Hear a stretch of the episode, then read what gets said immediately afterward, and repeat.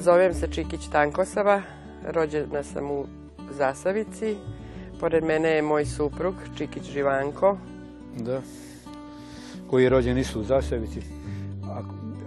Nama, nije, nama nije e, teško da kažemo i kad smo rođeni smo u nekom periodu, u nekom periodu po 50. godina, znači kad je bilo malo i, teže i za život i sve, odgajani smo ovdje, ovdje smo rođeni, ovdje smo išli u osnovnu školu, tu smo završili obadu, ja i supruga osnovnu školu, upoznali smo se u periodu kao, što je ranije bilo, sad nije, kao period sad, znači u nekih 17-18 godina stupili smo u bračnu zajednicu sa, sa 18 i sa, 21 godinu, tako. Tako da, da to, da to završi. U Mitrovici smo imali, završili smo i tu srednju školu u Mitrovici, tako je jedan period našeg djetinstva. Nama je kompletno djetinstvo provedeno u mjestu Zasavica. Znači, do srednje škole. Po završetku srednje škole, kad smo stupili u, opet da, ne bude u bračnu zajednicu, ali prvo da kažem da je bilo i djetinstvo puno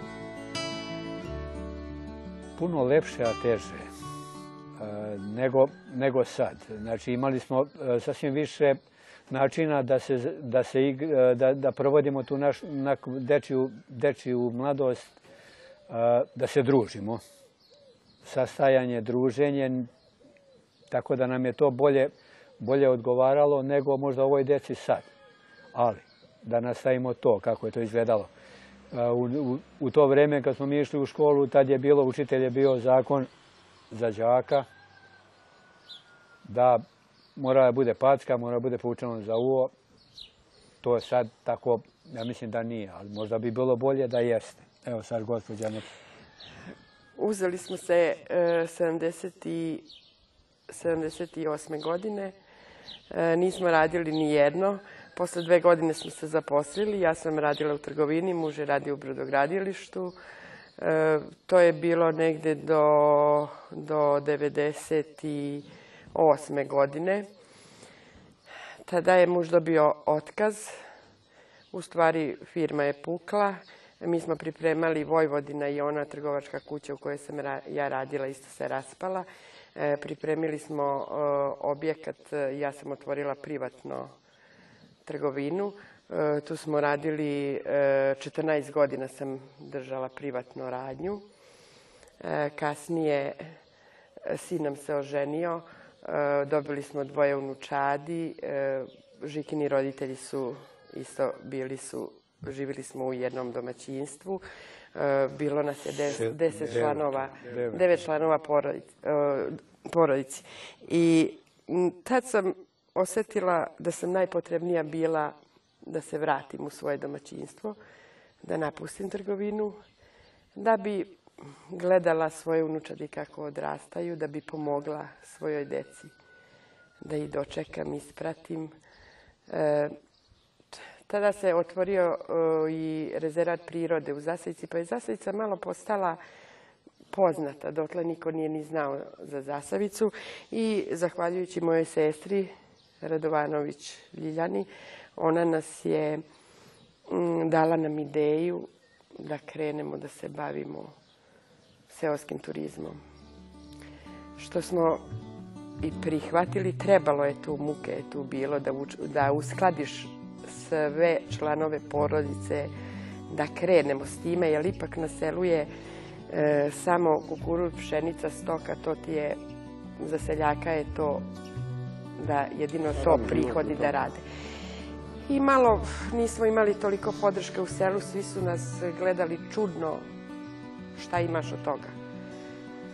Jer krenuli smo, nismo toliko imali ni sredstava, pa smo e, pravili od drveta i najlona unutra malo e, stavili trske, malo to sredili, ogradicu, letnikovac nismo imali gdje da primimo. Prvo smo počeli sa đačkim ekskurzijama preko agencije od moje sestre.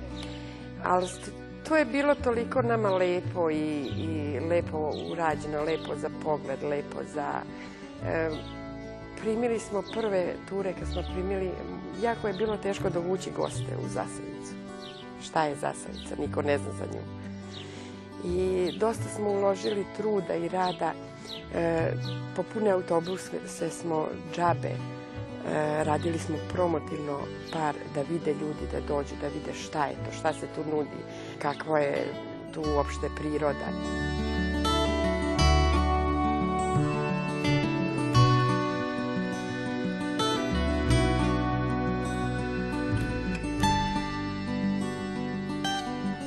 Mogu vam reći da smo i uspeli, malo po malo uspeli smo u tome. Evo, već 15 godina smo, 15 godina smo u tom poslu, znači što radimo kao seosko domaćinstvo i u sklopu uopšte turizma. Znači, ekskurzije nam dolaze 15 godina, 16 godina je, kako, tako da po, po meni gledajući na, na, na, na, na goste koji dolaze, te škole koje dolaze iz Srbije ovde, vraćaju se principu iste škole i koje dolaze nove, to je sa preporukom gde je, šta je, kako to izgleda. Mi radimo ovde, znači radimo, mi smo taj neki, već taj deo koji radimo, mi, oni dolazi se u principu je posjeta Mitrovici, gradu Mitrovici, rimski deo taj koji se obilazi, rezervat prirode i ovde kod nas ekskurzije dolaze na prolazni ručak. Znači kad obave tamo ovde dođu oko pola dva, dva, imamo da, na, na prolazni ručak i ostaju tu do uveče do 5-6 sati imaju prostora u dvorištu da mogu da se igraju. Imamo animatore koji im pokazuju te stare, da ne kažemo zaboravljene, te čobanske igre. Dok kad, kad, je, kad nije bilo elektroni, video igrica, kako su deca igrala se ovde i tako da provede se taj kompletan jedan dan u, u Zasadici i ovde u domaćinstvu kod nas. E, bili smo jako uporni, smo istrajali u tome. Imamo dve porodice s kim se družimo, muž i ja od mladosti. Jako puno su nam pomogle. Porodica Jelikić i Knježević, to su nam prijatelji e, pravi prijatelji, oni nama i mi njima, tako da i kad nismo imali novaca, oni zajedno smo radili sami što smo mogli da odradimo bez dinara, izme sebe, jedno drugom uzajamno. I tako uvek smo, e, gledali smo da uskladimo i cene te, e, da ne budeš konkurentan, da, da mogu ljudi da dođe, da vide to. Smatrali smo bolje da imamo, da idemo sa nižim cenama, da imamo više gostiju nego da stavimo neke cene velike pa, koje do... nećemo imati par gostiju. Tako da malo po malo da se to o, proširuje sve više, sve više ljudi, verovatno e, sad je tehnika jako velika, deca su opterećena sa tim kompjuterima, sa tim i pobegnu vikendom da se odmore malo. Dosta imamo omladine koja dolaze. Pa dolaze, da. Dolaze Dosta baš omladine koji dolaze vikend, na produženi petak, subota, vikend. nedelja, da se odmore tu tri dana, e, nudimo, se u nedelju uveče. Nudimo im u stvari tako želimo da se osete kad dođe kao da su došli i kod svojih rođaka neki, ne da to bude nešto da se ustručavaju šta žele, oni nas nađu, traže, hoće ovako, hoće nako, ostavimo i neko želi normalno da priča društvo, neko ne, znači ostaviš i da, da odrede sebi taj dan sami kako žele. E, kuvam im domaću hranu, mesim sve ručno, pečemo u šporetu, obično na drva. E, imamo furunu za hleb isto kad žele lepinje da pravimo. A sve u I tako uglavnom su zadovoljni svi sa hranom. E, proizvodimo, imamo svoje sireve, pravimo suhomesnate kobasice, ništa nije to veštački, svoje meso koje ranimo svinje baš za to. Nemamo još toliko da E, dosta nam traže i za prodaju. Pa Onda ju uputimo u rezervat, pošto rezervat e, oni imaju mangulice, imaju pa prodaju te proizvode svoje. A mi još nismo, malo smo pravili ajvara, E sad, e, sad u planu imamo da proširimo slatko ajvar, džemove, da pravimo da bi imali da ne samo za goste za upotrebu, nego i za prodaju.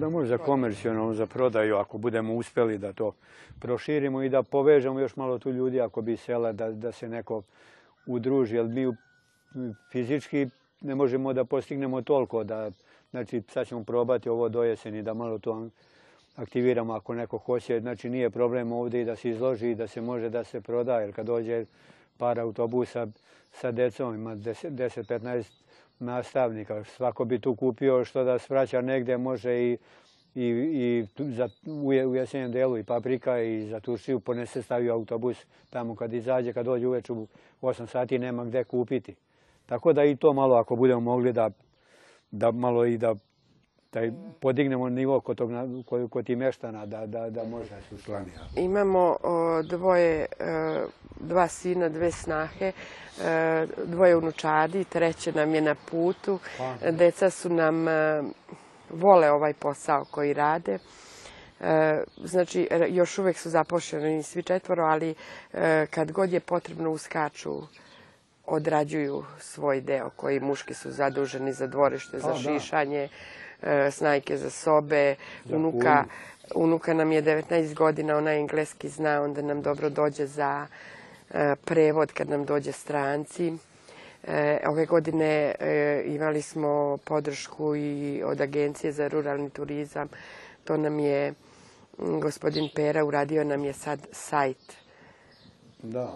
Do sad nismo imali, sad su nam to pomogli i nadam se da... Lokalna, ta lokalna... Da, lokalna ta samouprava da ćemo sad ovaj...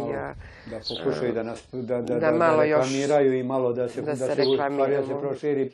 Jer ta priča samo o tom ruralnom je za sebe, a ako neko ne možemo sami, ne možemo mi to sve onda malo da pomogne, da pomogne i grad i gradska uprava i tako Još uvijek radimo to s voljom. E, ispunjava nas to. E, čim ne bude nam to odgovaralo, normalno mi ćemo se povući, pa, deca nek nastave, ali dokle god možemo pomagat ćemo im. Ne bi mogli mi bez njih raditi ovo što radimo. E, sigurno sad je velika tehnologija, tehnika i sve se radi preko kompjutera. Nas dvoje nismo toliko upućeni, jesmo, ali ne u toj meri da znamo ovaj, to sve. E, tako da veliku pomoć imamo od dece. I na mlađima sve to staje. U vreme kad smo mi odrastali u, u, Zasavici, e, ja sam 59. muže 54. znači tu smo. E, imali smo smogodišnju školu prvu u selu, osam razreda. bilo je po preko 30 učenika u jednom razredu jer malo je ovo selo, ovdje pa ima 200 i nešto numera. A moja generacija je imala dva razreda po 30. da, ali moja već nije, već se U osmi razred smo završili dva razreda po 30, po 30 đaka, a sad nažalost imamo šest đaka u, toj, u selu. Bilo je, ovaj, bilo je nekako drugčije, imali smo te neke svoje, radovali smo se raspustu, radovali smo se uskrsu, na primjer. E, jer nije se to, nisu roditelji imali da nas sad ponavljaju. Nosili smo, ja sam imala, imam u stvari tri sestre i brata. Jedno drugo, nasljeđivo i torbu školsku i odeću, obuću, sve. E, znači, uskrs dođe, mama odnese e, proda na pijacu u grad, odnese jaja, jabuka, nešto ponovi nas haljinice, e, ove lakovane sandalice do kolenice. Pa Mi ujutro kad se spremimo, pa samo se gledamo niza se kakvi smo lepi. E, radovo si se malim stvarima. E, nije bilo potrebno nešto veliko da nisi imao igračke da se igraš. Biciklo, na primjer, ja sam naučila koliko sam puta pala, niko to nije ni vodio računa da kažeš da li si se udario muško, ono rog, ispod štangle voziš. Učiš da voziš. Dok sad od maloj bebi kupiš bicikla. Pa. Ali je to sve bilo nekako, bilo lepo. E, borili smo se da zaradimo sebi da kupiš nešto. Zadovoljni smo i sa malo smo zadovoljni. E, smatramo kad si zadovoljan sa malo radom ćeš doći do nečega većeš svojim radom i trudom. I gurali smo samo napred. E, bilo je tu i uspona i padova, ali najvažnije dizali smo se i kad padnemo dizali smo se. sa svojim radom, sa svojom upornošću, sa svojim, nismo jedno, slagali smo se, nismo jedno drugo okrivljivali za nešto sad, iako smo u momentu neku odluku pogrešno donela ja ili moj suprug, e, nismo Pa jedno drugom to, e, nego smo gurali dalje, opet sad, greške se uvijek dešavaju. I uglavnom uspevali smo u tome. I kad najmanje nada, kad se najmanje nadamo, neki novac nam dođe. Neka grupa dođe veća, nešto, uvek e, Radili smo, radili to kad je građeno, pa to ajde da renoviramo sad u ovom periodu, pričamo opet za ovaj period sad, pa je bilo,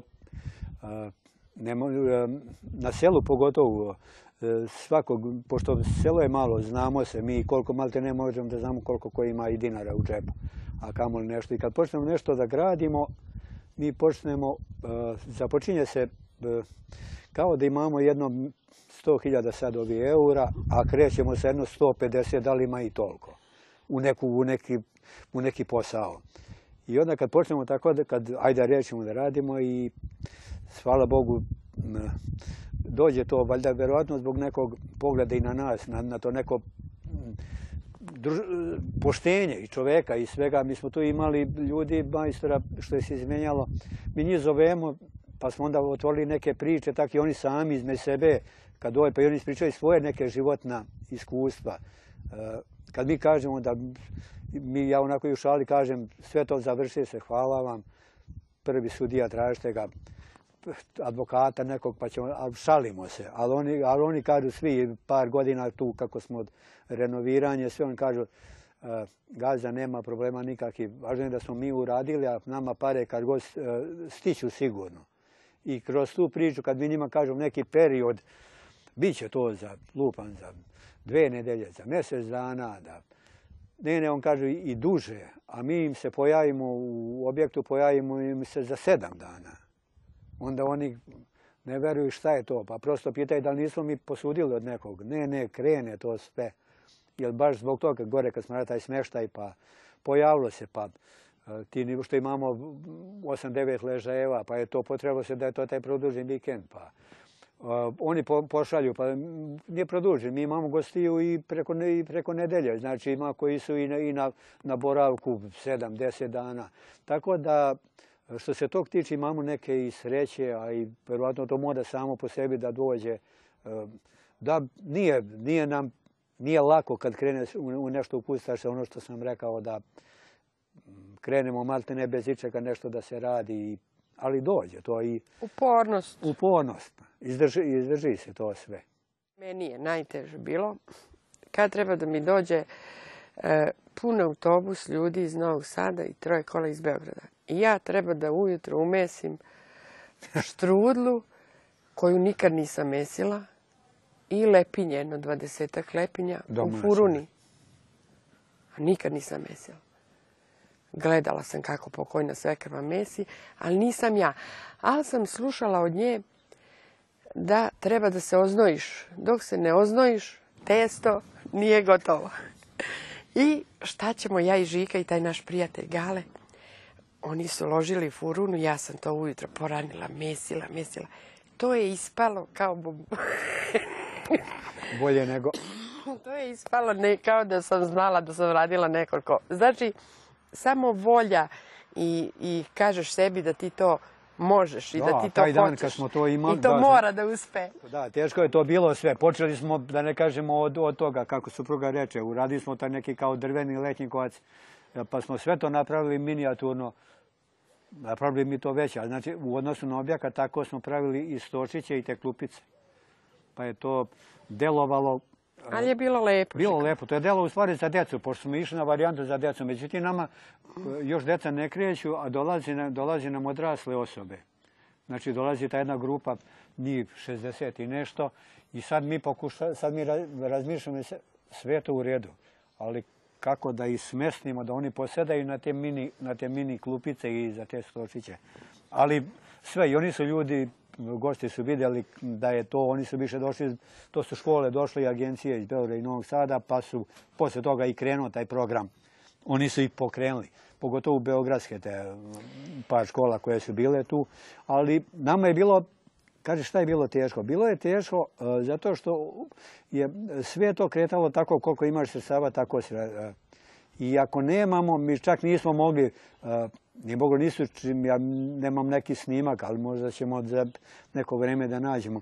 To je znači drveno deset sa četiri urađeno, iznutra imitacija neka pletena trska, a od gore smo morali staviti običan najlon, jer taj dan je potrebalo se da je tako, pa sneg, da, i kiša.